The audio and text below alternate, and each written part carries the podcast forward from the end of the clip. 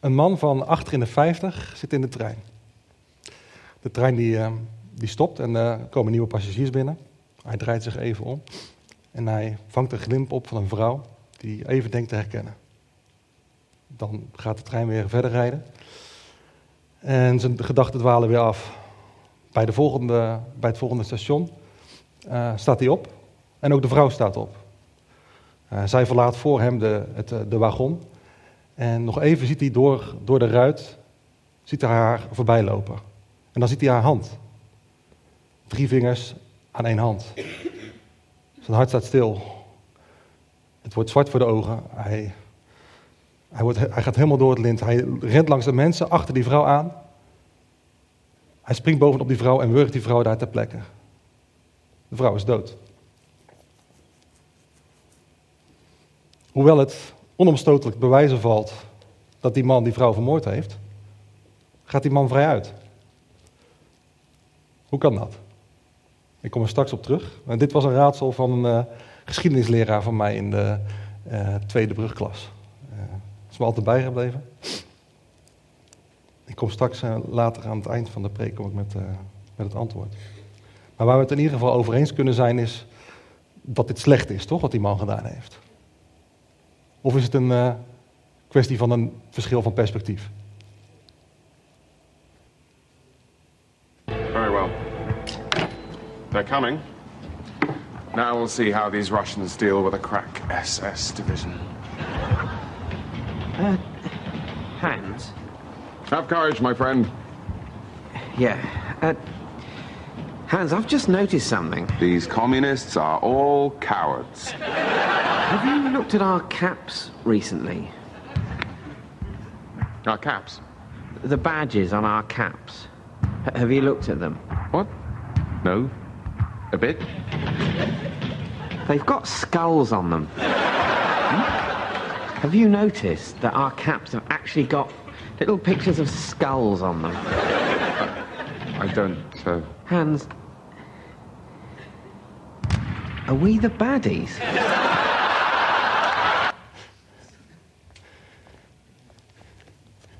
Is er iets zoals goed en kwaad? Of is het allemaal maar een verschil van perspectief? Hadden de Duitsers of de nazi's in die tijd gewoon een ander beeld van goed en kwaad? Of bestaat er zoiets als een overkoepelende morele wet? Maar waar komt dat dan vandaan? Wie heeft die dan bepaald? Als het allemaal maar toeval is, zoals wij hier gekomen zijn, is dan het begrip goed en kwaad niet gewoon een, een bijproduct van de evolutie? Dan hebben we geluk dat we in een samenleving leven waarin we kindermisbruik als kwaad beschouwen. Richard Dawkins, wellicht de bekendste atheïst, die zegt: In een wereld zonder God bestaat er geen goed en kwaad. Alleen maar meedogenloze onverschilligheid. Wanneer we zeggen dat God niet bestaat, hebben we niets om aan af te meten of iets goed of slecht is. Voor een atheïst zijn we in dat opzicht ook niet anders dan dieren. Die hebben ook geen verplichting naar elkaar toe om goed of slecht te zijn. Maar ergens in ons geweten voelen we allemaal aan dat er iets is wat bepaalt dat, het, dat iets goed of slecht is. Een objectieve morele wet. Iedereen voelt aan dat kindermisbruik, racisme of terrorisme slecht is. Het gaat hier niet om een persoonlijke voorkeur of een mening, of een verschil in culturen.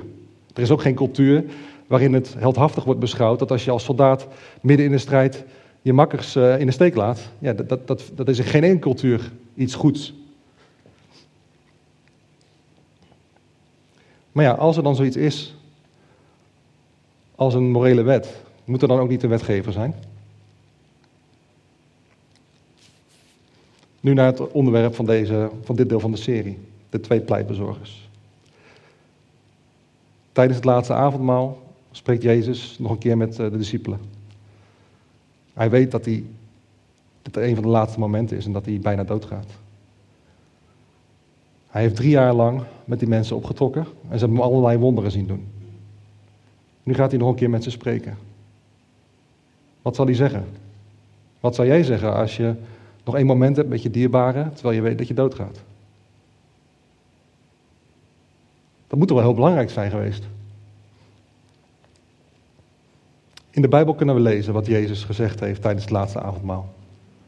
In Johannes 13 vertelt Jezus aan zijn discipelen dat hij nog maar even bij hen is en dat hij hen gaat verlaten.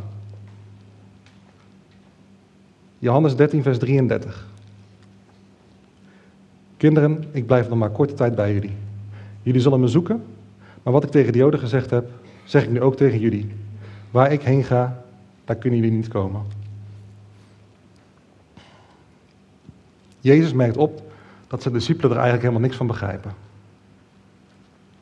Petrus zegt in Johannes 13, vers 37: Waarom kan ik u niet volgen, Heer? Ik wil mijn leven voor u geven. En Thomas zegt in Johannes 14, vers 5: Wij weten niet eens waar naartoe gaat, Heer. Hoe, hoe zouden wij dan de weg daarheen kunnen weten? En ook uit Filippus' woorden blijkt dat hij het nog steeds niet heeft begrepen in vers 8. Laat ons de Vader zien, Heer. Meer verlangen we niet. Ze begrijpen nog steeds niet wie je eigenlijk is. Dit, terwijl dit de mensen waren die na Jezus dood het geloof moesten gaan verkondigen over de wereld. En dat hebben ze ook gedaan. Sterker nog, ze zijn allemaal op Johannes na een gruwelijke dood gestorven. Er zijn er een aantal ook gekruisigd, met pijlen doorboord, het hoofd afgehakt.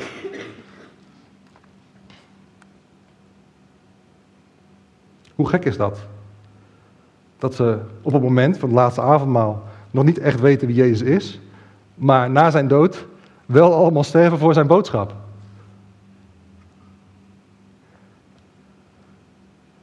There are a lot of folks who are willing to die for what they believe to be true, but few are willing to die for what they know to be a lie.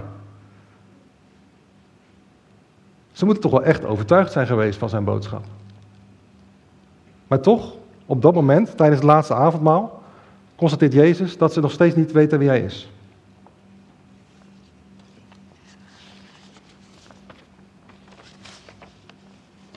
Maar Jezus laat ze niet hopeloos achter. En hij reageert op wat zijn discipelen tegen hem zeiden. In Johannes 14 lezen we, lezen we vanaf vers 9.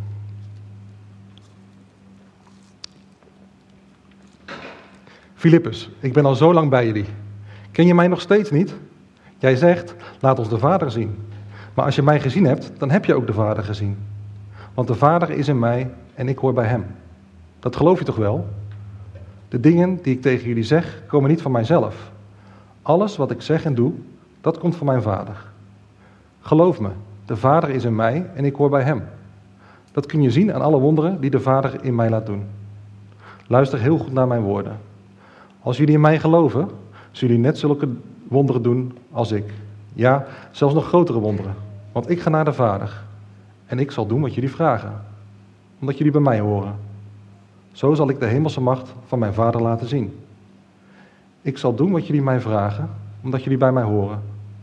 Als jullie van mij houden, leef dan volgens mijn regels. En ik zal de Vader vragen een nieuwe helper, of in een andere vertaling staat hier pleitbezorger, te geven, de Heilige Geest. Die zal voor altijd bij jullie zijn. Door Hem zullen jullie de waarheid kennen. De mensen van deze wereld horen niet bij mij. Ze kunnen de Heilige Geest niet krijgen, want ze zien Hem niet en ze kennen Hem niet. Maar jullie kennen Hem wel. Hij zal bij jullie blijven en in jullie zijn. Ik laat jullie niet alleen, maar ik kom terug om jullie de nieuwe helper of pleitbezorger te geven. Over een korte tijd zullen de mensen van deze wereld mij niet meer zien. Maar jullie zullen mij terugzien, want ik zal leven en ook jullie zullen leven. Dan zullen jullie begrijpen dat de Vader in mij aanwezig is en dat ik in jullie aanwezig ben en jullie in mij. Jezus spreekt hier over een andere pleitbezorger. Hij zegt, dan zal ik de Vader vragen voor jullie een andere pleitbezorger te geven, die altijd bij jullie zal zijn. De geest van de waarheid. De Heilige Geest dus. Pleitbezorger is eigenlijk gewoon een ander woord voor een advocaat. Een advocaat die vertegenwoordigt jou voor de rechter. Die vertelt jou soms dingen die je misschien liever niet wil horen, maar wel moet horen. Hij vertelt je hoe de rechter te werk gaat. En hoewel we een geweten hebben waar, waarin we mee, waarmee we onderscheid kunnen maken tussen goed en kwaad, zoals we aan het begin besproken hebben, kunnen we niet vanuit onszelf, op eigen kracht, Gods plan begrijpen. Wat hij met ons wil.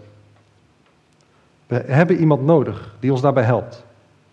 De Heilige Geest.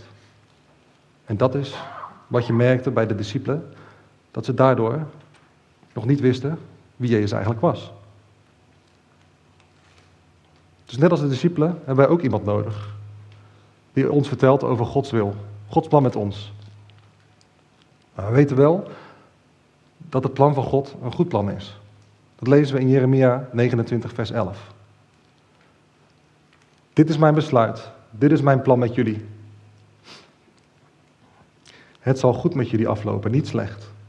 Ik zorg ervoor, ik zorg dat er voor jullie een nieuwe tijd komt. Ik zal jullie nieuwe hoop geven. Maar waarom dan? Waarom heeft hij een goed plan met ons?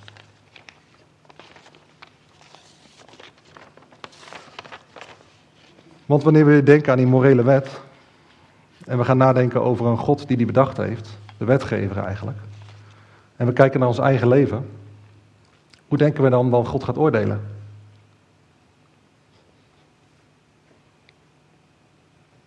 Ergens voelen we allemaal aan dat we niet aan die wet kunnen voldoen. We doen allemaal wel slechte dingen. Kleine, grote. En denken dat jij niet in staat zou zijn om iets heel slechts te doen, is volgens mij heel erg naïef. Zouden die mensen, de Duitsers in de Tweede Wereldoorlog, daar in Duitsland, zouden er toevallig zoveel hele slechte mensen zijn geweest?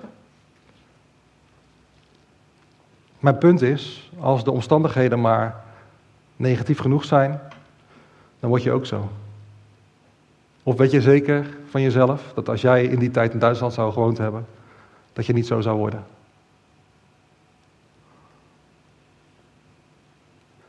Misschien meer een praktische voorbeeld uit mijn eigen leven. Als ik een keer een, een lange dag heb gehad en uh, het loopt niet zo goed tussen Simone en mij, bijna nooit hoor. Uh, en ik lig op bed s'avonds en dan wordt er weer eentje wakker voor de zoveelste keer. En we zijn klaar met, net alsof we doen dat we het niet horen en ik moet eruit. Dan, ja, dan sta ik met, met, mijn kind in mijn arm en ja, die moet ik dan zorgen dat ze weer gaat slapen. En dan raak ik wel eens gefrustreerd. Moe. En op zo'n moment, dan denk ik wel eens aan, uh, aan die verhalen van uh, ouders uh, die hun kinderen hebben doodgeschud. En dan denk ik, ja, ik heb het relatief goed. ik heb niet zoveel zorgen. Maar wat nou als je die alleenstaande ouder bent en maar net rond kunt komen. En dan s'nachts met je kind staat die, die niet wil slapen. Zou ik niet zou iemand kunnen zijn die op dat moment toch door het lint gaat? Kun jij met zekerheid zeggen dat jij dat niet zou kunnen doen?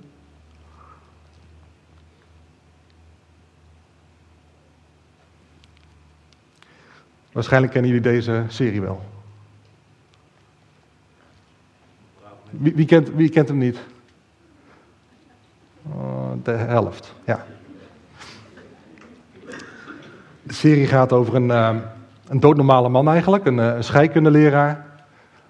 En uh, dit is hem op het begin, links. Uh, de scheikundeleraar heet uh, Walt. En ehm, nou, hij, hij is eigenlijk een doodnormale man. Hij had eigenlijk veel, veel meer uit zijn carrière kunnen halen, maar ja, het is misschien een beetje een saaie man. Um, op een gegeven moment hoort hij dat hij kanker heeft. En nou, hij denkt aan zijn gezin. Hij heeft een ernstig gehandicapt kind en ze zijn ook niet zo rijk. Dus hij, hij, maakt zich heel erg zorgen over ja, wat de toekomst voor zijn gezin zal zijn. Uiteindelijk, uh, door zijn kennis van scheikunde, wordt hij langzaam maar zeker uiteindelijk een hele grote drugsbaas. En je ziet tijdens die serie, zie je hem langzaamaan van een doodnormale goede man afdwalen naar een, naar een slecht persoon. Ja, mijn punt is, ja, iets wat uit het goed, goede motivatie ontstaat, kan uiteindelijk ook gewoon heel slecht worden. Samengevat dus, er is iets zoals zo'n overkoepelende morele wet. En we weten dat we er niet aan kunnen voldoen.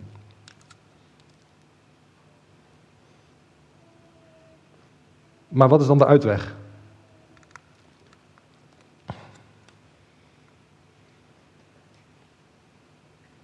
Jezus had het toen hij over de Heilige Geest sprak ook over een andere pleitbezorger. Maar wie is die eerste pleitbezorger dan? We lezen in 1 Johannes 2, vers 1. Kinderen, ik schrijf u dit opdat u niet zondigt. Mocht een van u echter toch zondigen, dan hebben wij een pleitbezorger bij de Vader, Jezus Christus, de rechtvaardige. Hij is het die verzoening brengt voor onze zonden. En niet alleen voor die van ons, maar voor de zonde van de hele wereld. Dan is Jezus dus blijkbaar onze uitweg. Maar waarom is dat nodig dan? Nou, we hebben net vastgesteld dat we niet in staat zijn om de slechte dingen te laten. En natuurlijk doen we niet alleen maar slechte dingen. Maar mijn punt is dat je als mens gewoon het onvermijdelijk is dat je slechte dingen doet. Nou ja, wat dan nog? Wie gaat nou voor mij bepalen of iets goed of slecht is? God zeker. Ja, inderdaad. Dat vinden we lastig om, zeker als Nederlanders denk ik, omdat we hebben maar amper eh, respect voor onze baas, die ons vertelt wat, wat, wat we moeten doen. Dus dat is best wel lastig om daar misschien wel vrede mee te krijgen. Maar als je net als ik gelooft dat, dat er een God is en dat het de God van de Bijbel is, dan zul je op een of andere manier er vrede mee moeten hebben dat Hij ook bepaalt wat goed en slecht is. Maar wat was nou de oplossing? Voordat ik daar antwoord op geef, de volgende vraag aan jou. Vond je het rechtvaardig dat die man aan het begin van, van het raadsel, dat hij vrij uitgaat? Nee, natuurlijk niet. We voelen van nature aan dat rechtvaardigheid een goed ding is. En dat dat niet rechtvaardig was. God is goed, maar ook rechtvaardig. Als we daar dan bij optellen dat het voor ons onvermijdelijk is dat we slechte dingen doen, ja, dan ontkomen we niet aan het feit dat, we, dat er ook ergens een straf moet zijn. Want we zouden het allemaal oneerlijk vinden als iemand die iets slechts gedaan heeft en me, ja, er zomaar mee wegkomt.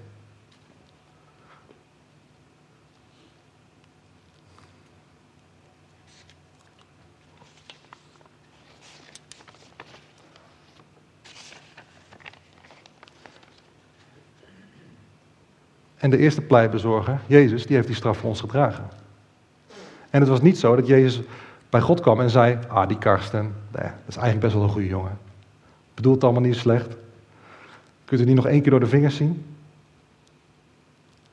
Wat voor iets het is wat ik allemaal gedaan heb.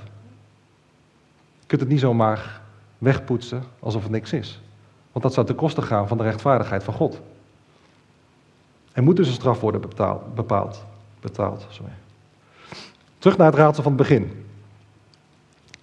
De man en de vrouw waren getrouwd geweest. Het was een heel slecht huwelijk.